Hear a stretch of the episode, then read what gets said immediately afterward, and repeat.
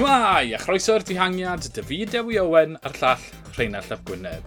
Y cynllun greiddiol oedd i lithro nôl mewn i rhythm trwy recordio pod gan wythnos, ond wedi digwyddiadau ar stradau Bianca, mi oedd rhaid ni stel lawr i drafod yr hyn welon ni. Pam? Achos bod Matthew van der Pŵl wedi ail-ddiffinio'r gamp yn ystod clasur o rediad o'r stradau Bianca.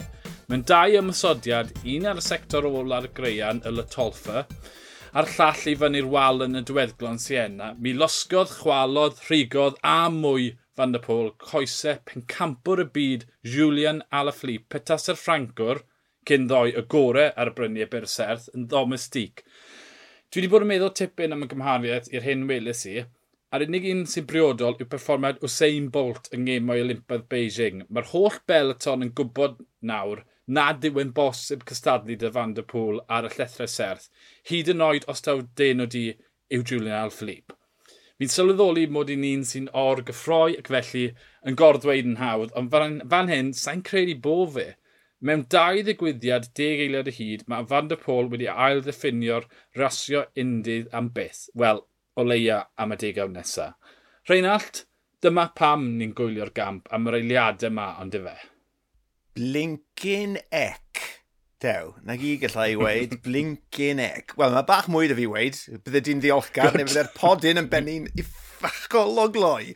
Um, na, rhyfeddol, rhyfeddol. Um, ti'n o'n i'n gwybod uh, dros y penwthnos agoriadol, ti'n bod e ar ffom, a, a ti'n gwbl gywir yn gweud, taw diwrnod o marfer oedd yr ffleir mawr na uh, uh, uh, yn cwrna, a a, a dyma rheswm pam oedd e ar ddwrnod o ymarfer paratoi at Strada Bianca wedodd e ar ôl ennill bod e yn anelu am hon eleni oedd e'n um, Van der Pŵl gwbl wahanol um, eiddfedrwydd dangos mwy o bwyll rhaid troi tic mawr i'r tîm ti'n bod, wnaethon e nhw ar y gêm da yn taflu pobl lan yr hewl, dangos i'r tîm eraill bod Van der Pŵl, ti'n mo, mynd i fod yn bwyllog i stenol, aros am yr amser cywir. Um, na, rhyfeddol, ar y torffe, oedd hwnna, o'n i'n aros am rhywbeth i ddigwydd, ond o'n i ddim cweit yn disgwyl tan gwyllt fel la, a'r un ar y ddringfa yna i'r piazza, Pff, oh, pryn welyd i rhywbeth fel la, mewn, mewn tymor cyfan o seiclo, um, byth gofiadwy um, yeah, ni'n ni drafod to mwy am y ras, achos oedd y ras yn greit. Ond am y digwyddiadau hunain, y doi ymasodiad da, mae, ma gar yn frawd i, wastad to, mae'n trafod, mae, ma fe'n licio gryndo ar dehangiad, mae'n gweud, mae fe'n poeni braidd yma ddoi ni, bod rhywbeth bach yn, to, bod rhywbeth bach yn bod ddyn ni, bod ni'n watcho gymaint, a bod ni'n, bod ni'n proses o gymaint o wyboddau seiclo mewn. Mae fe'n holl o wannol. Dwi wedi methu mewn mewn y dyfdyn yna, Mae'n dyfu sgiliau holl o wannol i fi sy'n neud e yn gallu gwneud pethau fi methu wneud. Ond gan bod ni'n watcher bydda, fi'n credu, tyd, y peth nath taro ni yw oedd e'n wahanol. Y cyflymder nath Van der Pôl, yn, yn wedig ar Latolfe, pam ni'n mynd disgwyl e, yr, yr eiliad neu ddoi na, pam math e o dim bwlch i 10 metr o fewn eiliad neu ddoi, oedd e'n oedd e'n fel paradigm shift, oedd e, e rhywbeth ni heb gweld o blaen, oedd e fel gwibiwr, ond yn gwibio, ond oedd e'n mynd lan llethrau 20 y cant. A ni heb gweld na'r blaen. Mae fe'n hynod bod ti wedi gweud na, achos dyna'n union o'n i'n meddwl ar yr un tyngedfennol, yr un ola, lan i'r piazza. Oedd e fel gwibiwr, ond yn mynd lan rhyw. Na'n union beth o'n i'n meddwl. Um, oedd e mor ffrwydrol. Ni'n ni gweld ymysodiadau lan rhyw, mae na beth mae punchers yn neud, ond yeah. fe, mae Falferdi'n wych yn neud, e, mae Van Afa Mart yn wych, mae, mae gymaint o feicwyr proffesiynol yn dda yn neud na, a dyna'r plien yn ei cap nhw, ond oedd hwn ar lefel arall oedd e'n gwybod, wedodd e yn y cyfweliad ar ôl y ras, oedd e'n gwybod bod Alain Philippe wedi gwanhau, oedd e wedi colli cwpl o dro, droadau ar y ffordd mewn i Siena, so oedd e'n gwybod bod e bron ar ei bengliniau e fe. Ond dwi'n credu bydde Ale Philippe Ali Ore ddim wedi gallu ymateb i'r hyn nath Van Der Pŵl ddo. Yep. Oedd e just yn anhygol. Ie. Yeah. Ala Philippe nath e fe. Os bydde wedi gwneud ei Michael Gogol, oedd ti'n cael dwrnod amazing, ond sydd ddim yn enwog am gallu cico bant, wedyn bydde ti'n meddwl, oce, okay, digon teg. Ond, so, os bydde'n gwyb ar y fflat, bydde Van der Pôl wastod yn curo Julian Alaphilippe. Twyd, os bydden nhw'n doi yn twyd, cant y cant yn ffit, mae e'n gyflymach. Os yeah. maen nhw'n mynd lan Alp Dwez, bydd Alaphilippe wastod yn curo Van der Pôl, achos mae'n well mhm. dringwr. Ond mae'r Strade Bianchi ar y llethrau serth na, dy 3,000 o fetro o ddringo, y clasuron bryniog na ar, ar y greian, lle twyd, Fyna yw'r sweet spot, lle maen nhw doi yn hollol deg yn efo'n ei gilydd. A wedyn, oedd y bwlch mor fawr. Dyna beth dyna be sydd wedi just, ie, yeah, newid bethau fel, y bwlch mor fawr. Ond, ie, yeah, mae, ma digon dyn ni draf, mae holl dymwrd gyda ni drafod, ond ni'n neud e yn ebyn ala fflip. Dyna'r peth rhyfeddol. Ond sef ymlaen i'r ras i hunan, mi gathon ni weld mwy o ras, mi gathon ni weld, twyd, y, y, y, preamble, y twy malan, y can kilometr diwetha, um, er mwyn deall y ras yn ei, gyf, yn ei gyfanrwydd. A beth tarodd fi oedd y dringo. Na welon ni y blynyddoedd cynni. O'n i'n meddwl, twyd, pam welon ni'r Stradio Bianca gynta, taw ras bryniog, serth, oedd e, ond oedd e sectorau greu, yn wedig Monte San Cristo, yr 11 km, rhyw 50 km diwedd, oedd e mor galed o ran just dringo kilometr ar ôl kilometr ar ôl kilometr. Gathen ni syniad o ras yn ei gyfanrwydd na ni wedi cael am y blynyddoedd diwetha. A mae hwnna mor od, achos am ras i ti a fi wedi caru ers blynyddoedd, sylweddoles i ddo, mae mond... Oedd e fel tasyn ni jyst wedi bod yn gweld hanner awr ola ffilm bob yeah. tro. Yn amlwg dyna'r er analogy, achos bod ni yn, yn colli gymaint ohono fe bob blwyddyn, ond dyna beth darodd fi, ond i'n meddwl, jiw, yr holl waith yn yr holl gwau, y, y straeon sydd yn digwydd cyn bod y teledu fel arfer yn dod mlaen. Bod, sector 5, sector 6, sector 7, a ti'n gweld bod, y peleton yn lleihau ar y sectorau greian un lle mae'r cryfa yn, yn dod i'r top wedyn ni, mae'r cyfle i'r gwan i ddod nôl, mae'r peleton yn, yn chwyddo unwaith eto, achos bod y stori'n fwy cyflawn, ti'n gweld mwy o waith gan y beicwyr, yeah. oedd y diweddglo yna, oedd e, e gymaint yn fwy blasus. Ie. Yeah. Wel, esiampl perffaith o'r ffaith bod ni ddim yn nabras, wedes i Monte Santa Cristo lle Monte San Maria. Hwna oedd uh, y 10 12 km tyngyn fenno. Pan math nhw, twyd, ar ddechrau'r sector na, oedd Paul Martens ar y blaen, mae'n reidwr o safon, ond diwedd beth yn mynd i fod na yn y diweddglo yn gweithio ran mawt fyna. Erbyn nhw'n dod mas, twyd, 8 dyn oedd yn y grŵp. Oedd um, Wout Van Aert, oedd Julian Alaphilippe, oedd Bernal, oedd Pidcock, oedd Van der Pôl, oedd Gogl, oedd Quinn Simmons, fi'n credu un arall, ond twyd, oedd e 12 km, o Pogaccia, Yeah, yeah. So, oedd y grŵp na ryfeddol. Pencampwyr, pencampwyr y byd ar hyn o bryd, enillwyr y Tôr y Ffrans am y dwy flynedd diwetha, um, pencampwyr byd seiclo traws o, o bosib y reidwyr gorau na, ac y gweddill, o, twa, pencampwyr byd y dan 23 yn y gorffennol, a fel twa, mae'r joc mae pawb di pigolan, a Michael Gogol. O, di, yeah. di reid, reid angredadwy i fod yn y cwmni na, ond ie. Yeah 12 km, pan mathon nhw o, wel, mae dy cynnig yn mynd i reoli'r ras hyn, ac mae gymaint o gryfder. Oedd dim dy cynnig yn y grŵp na arbenn y diwedd, oedd e'n rhyfeddol. Dim ond, be, Gogol a Bernal oedd yr unig feicwyr yn y grŵp na a dim profiad off yr hewl. Oedd hyd yn mm. oed Pogacar, oedd e'n bencampwr campwr uh, Slovenia dan 23 uh, beicio traws. Felly mae hwnna jyst yn dangos, achos o'n i'n trafod twa, wrthos diwetha, beth sydd yn y coesau i, i lwyddo yn y ras hyn, a o'n i'n disgwyl ras wlyb, o'n i. Mm -hmm. A mhm. felly y beicwyr traws, y beicwyr mynydd, nhw o'n i yn disgwyl i gyrraedd y brig ar ôl gweld yr hael yn tywynnu, yn meddwl, reit, mae hwn yn mynd i fod ychydig y fwy agored mae wastod yn dangos, fi'n credu, natur y ras yma, gyda'r pitches serth yna, a gyment o reian, un rhan o dair o'r mhm. ras yma, mm -hmm. ar hewlydd greian, mae'r pobl a'r profiad o ddi ar yr hewl, beicio mynydd neu beicio traws, mae nhw ymwni fod yn fwy cyfforddus, ond dyn nhw. Ma, dyn nhw ddim ymwni fod dan gymaint o bwysau ar beicwyr eraill sydd heb arfer a bod, tirwedd o'r fath o oedran ifanc iawn. Felly, mae'r mantis fi'n credu wastod yn mynd i fynd i'r boes am ryddawn yma. Uh, Cytuno gant gant. Nawr, ni ddim yn moyn mewn mewn i drafod pob un kilometr.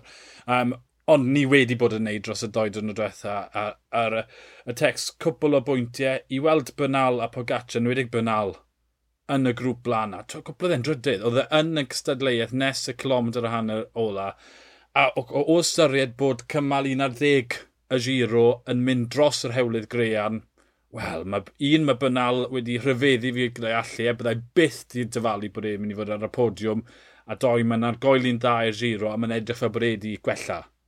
O. Dwi yn chyfft ar ran Bernal, o'n i'n wir yn becso amdano fe, uh, diwy e tymor diwetha, problemau iechyd, wedi gefen i goesau ac yn y blaen, i'n meddwl, ww, o dwi'n mynd i ddod nôl o hwn, ond na, hyfryd. A twa, fel i ni wedi gweld yn y tor, yn y Croes Wyntodd, ti'n mo, mm. oedd e reit ar y blaen gyda Unios, gyda Luke, gyda Geran, gyda Kwiatkowski. So, ti'n mo, ma mwy nag un plien yn ei gapau, ti'n mo, dim just dringwr gran tor yw e. Mae fe gallu cwffio gyda'r gorau pan mae pethau mynd yn ryff. Felly, dylse fe fi'n credu ddim fod gymaint o syndod â ni bod Bernal wedi gallu um, codi i'r brig yn yr as yma, ond ie, yeah, dwi jyst yn falch uh, bod e i weld nôl ar ei orau just ar y cyfnod cywir. Ie, yeah, yn sicr bod e. Mae'n argoli'n dda ar tymor Wout Van Aert uh, wedi dod o'r uchelfanner a'r teidyn, hen y rif ac y ras gyntaf fe o'r tymor go iawn. Um, a mi gollodd yr olwyn gyda 25 km i fynd, bydde fe ddim wedi disgwyl cael ei ollwng mor gynnar yna, nwedig o styried o Michael Gogol, oedd Pogaccia bynal yna, felly tryd, ddim cweit na, ond ddim byd i poeni, tryd, mae e'n amlwg yn targedu stwff yn yn hwyrach i fod. Mae e, fi wedi clywed bod e falle mynd i targedu cwpl o rasis cymalau le ni, ond twyd, Flandres, Rwbeu, a wedyn twyd pencampwraeth y byd yn Flandres i wedi darged e felly, twyd, just ddim cweith yn barod ar gyfer Strad Bianca, mae dal mis i fynd nes y, y, y pethau mae e wir yn mwyn ennill. Yn sicr, nes i ofyn y cwestiwn am, am wawt yn y pod diwetha, ond fe, achos bod e heb uh, feicio ar yr hewl. Um, Uh, nath e tipyn o waith ddo hefyd, a fi'n credu oedd e, e falle'n teimlo'n gryfach nag oedd e, a, a rhedodd e math o bwff yn y diwedd, ond na, dwi da ti, mae yna ma, ma, na, ma na arlwy bwysig o'i flanau e, a gwella gwella neife, ti'n bod, dim ond just y cychwyn o uh, Wout Van Aert ar yr hewl i ni wedi gweld. Ie, yeah, Pitcock, mae e the real deal yn dweud. O, o, odi, odi, odi, odi weles i fe reit ar y ddechrau yn, yn cyfe Besej, Cedi Besej, a e, oedd e ddim cweit na, ond rhyw fodd mewn cwpl o thnosau, switcho oedd e mlaen, a ie, yeah, ma, a mae fe na. Mae'r ma hyn ni wedi gweld yn y cwpl o rasys diwethaf yma, a'n fwy mor ifanc, ond wedi dechrau ar, ar yr hewl, mae fe yn mynd i wneud lot o bethau special yn y blynyddoedd oedd ddod. Ie, yeah. a, a un arall, uh, Quinn Simmons, 19 mlynedd ddod, nawr mae wedi bod mewn trafferth gath ei wahardd blwyddyn diwetha oherwydd um, tweets hiliol, um, plentyn o dde 18 mlynedd ddod, mae pawb yn mm. heiddi ail gyfle gobeithio bod e'n dysgu, ond i fod yn y grŵp na yn edrych mor bywerus, twyd athau e mas y cefn oherwydd anffawd, nid oherwydd bod e uh, uh, mewn trafferth, felly twyd, 19 mlynedd ddod yn gallu perform yn y ffona uh, ar y hewlydd fyna, gyda'r cryfan y byd yn hedfan, waw. Teimlo piti mawr gath e'r uh, puncture yna a wedyn ni uh, yn dod yn oddi ar ei feic uh, yn yr ail grŵp. Oedd e yn edrych yn grif. Fedd, wad y teg, pan, pan hwthodd bethau lan, fedd y cynta lan yr hewl. Tywa, yeah. fe, fe ddechreuodd yr ymwysodiad, felly oedd e'n glir i weld bod, e, bod e'r ddiwrnod da. Uh, piti bod ni ddim wedi gallu gweld um, y potensial amlwg oedd yno fe am fwy mor ifanc, fel ti'n gweud, um, ond digon o gyfle yn y tymor i ddod. Ie. Yeah. Um, o, oh, fi ddim yn rhoi um, e, ar y record na, fi'n credu bod coesau uh, fan afmet i mynd. Mae'n digwydd i bob reidiwr. Ni wedi gweld fel ferde llynedd, coes yn mynd. Mae'n digwydd rhywbryd yn canol 30 nhw, a fi'n credu be ni wedi gweld. Wel, fi'n credu digwydd y llynedd, ond pff, oedd fan am, nyn lle i weld. Driodd e mynd chydig yn gynharach na'r ymwysadiadau tynged fennol. Ond oedd e ddim wir yn ffactor. Fi'n gwybod bod yn amser, ond fi jyst yn moyn rhoi e ar y record na'r fi'n credu bod coes y fan am met i fynd. Um, Mae'n rhaid i gael adde, ond i ddim wedi ystyried hwnna. Um, gobeithio na, ond nath e syni fi pam hwthodd e pryd nath e. Yn gynta ni'n meddwl, o, oh, ath e yn yr ymosodiad anghywir, ond wedyn ni, na, mae'r gorau just yn hedfan trwy ras, ond dyn nhw, ble bynnag maen nhw. Yeah. Croesi bysedd na, uh, gawn ni weld. Ie, um, yeah, allwn ni drafod a trafod y man fanylion, ond oedd e'n fraint i wylio. Rhywbeth newydd, shift. Matthew van der Pôl, mae di addo gymaint. A, tyd, mae di ennill yn barod, ond mae e a yn y broses na o, okay, mae, mae o leia yn y 50 reidwyr clasuron gorau eriod yn barod twyd, o, e, o ennill Flandres Llynydd, mae di ennill Stradi Bianchi leni. Ond ti'n dechrau sôn amdano, okay, os mae'n ennill, os mae ennill Flandres yn rhywbeth neu ddoi leni, wedyn mae e syth mewn i'r i'r echelons ucha e eriod. Dyna, ond twyd, mae Wout Van Aert a fe yn y geiniau canol, dyna'r pryd dylen nhw'n neud y step ma, maen nhw just wedi dod mlaen i'r hewl yn ei anterth nhw yn lle to dyblygu, lle mae rhywun fel Pidcock neu Quinn Simmons, to maen nhw'n goffod dyblygu o flaen y camerau. Ie, yeah, um, nes i ailwylio ras yn i chyfanrwydd bore yma. So, nice. fi wedi cael chwech awr o Strada Bianca yn y 4 awr 20 ola yma. Ond, ie, yeah, o'n i'n meddwl o'r un peth. Dath, da stats lan ar y sgrin o Wout a uh, Van der Pŵl i hoedrannau nhw, pryd roedden nhw'n broffesiynol, er, rhifau o rasis nhw wedi ennill ac yn blaen. Ond on, i ti'n gweld 27. bod Van der Pŵl, gan bod ni'n trafod fe, yr er, er hyd a lledraeth mae fe wedi i gyflawni yn barod, a ti'n gweld 27, hold on, mae yna blynyddodd i ddod cyn bod e falle yn bwrw'r brig. Beth iawl sydd o'n blaenau ni o ran arlwy fel fans seiclo, bod wedi wneud beth wedi cyflawni barod, ond bo, yn bosib iawn bod lefel arall iddo fe i gyrraedd, a mae hwnna yn frawychus i ystyried. Wel, os na bydd Van der Pôl a Van At yn ennill o leia doi rhywbeth a doi Flandres yr un, byddwn ni wedi siomi, achos ni'n addo ira newydd fan hyn gyda ddoi na. A ma, Alef Lip hefyd yn mynd i fod yn rhan pan mae'r hewl yn mynd lan rhyw. So mynd mlaen i'r ras y mynywod, mi eithon ni fwynhau ras y mynywod, ond o styried be welon ni, mae e yn anochel bod, twyd, oedd e'n ddigon da, twyd, oedd na, oedd e'n fwy tactegol gyda'r grŵp o ryw bymtheg yn, y, yn yr 20 km diwetha.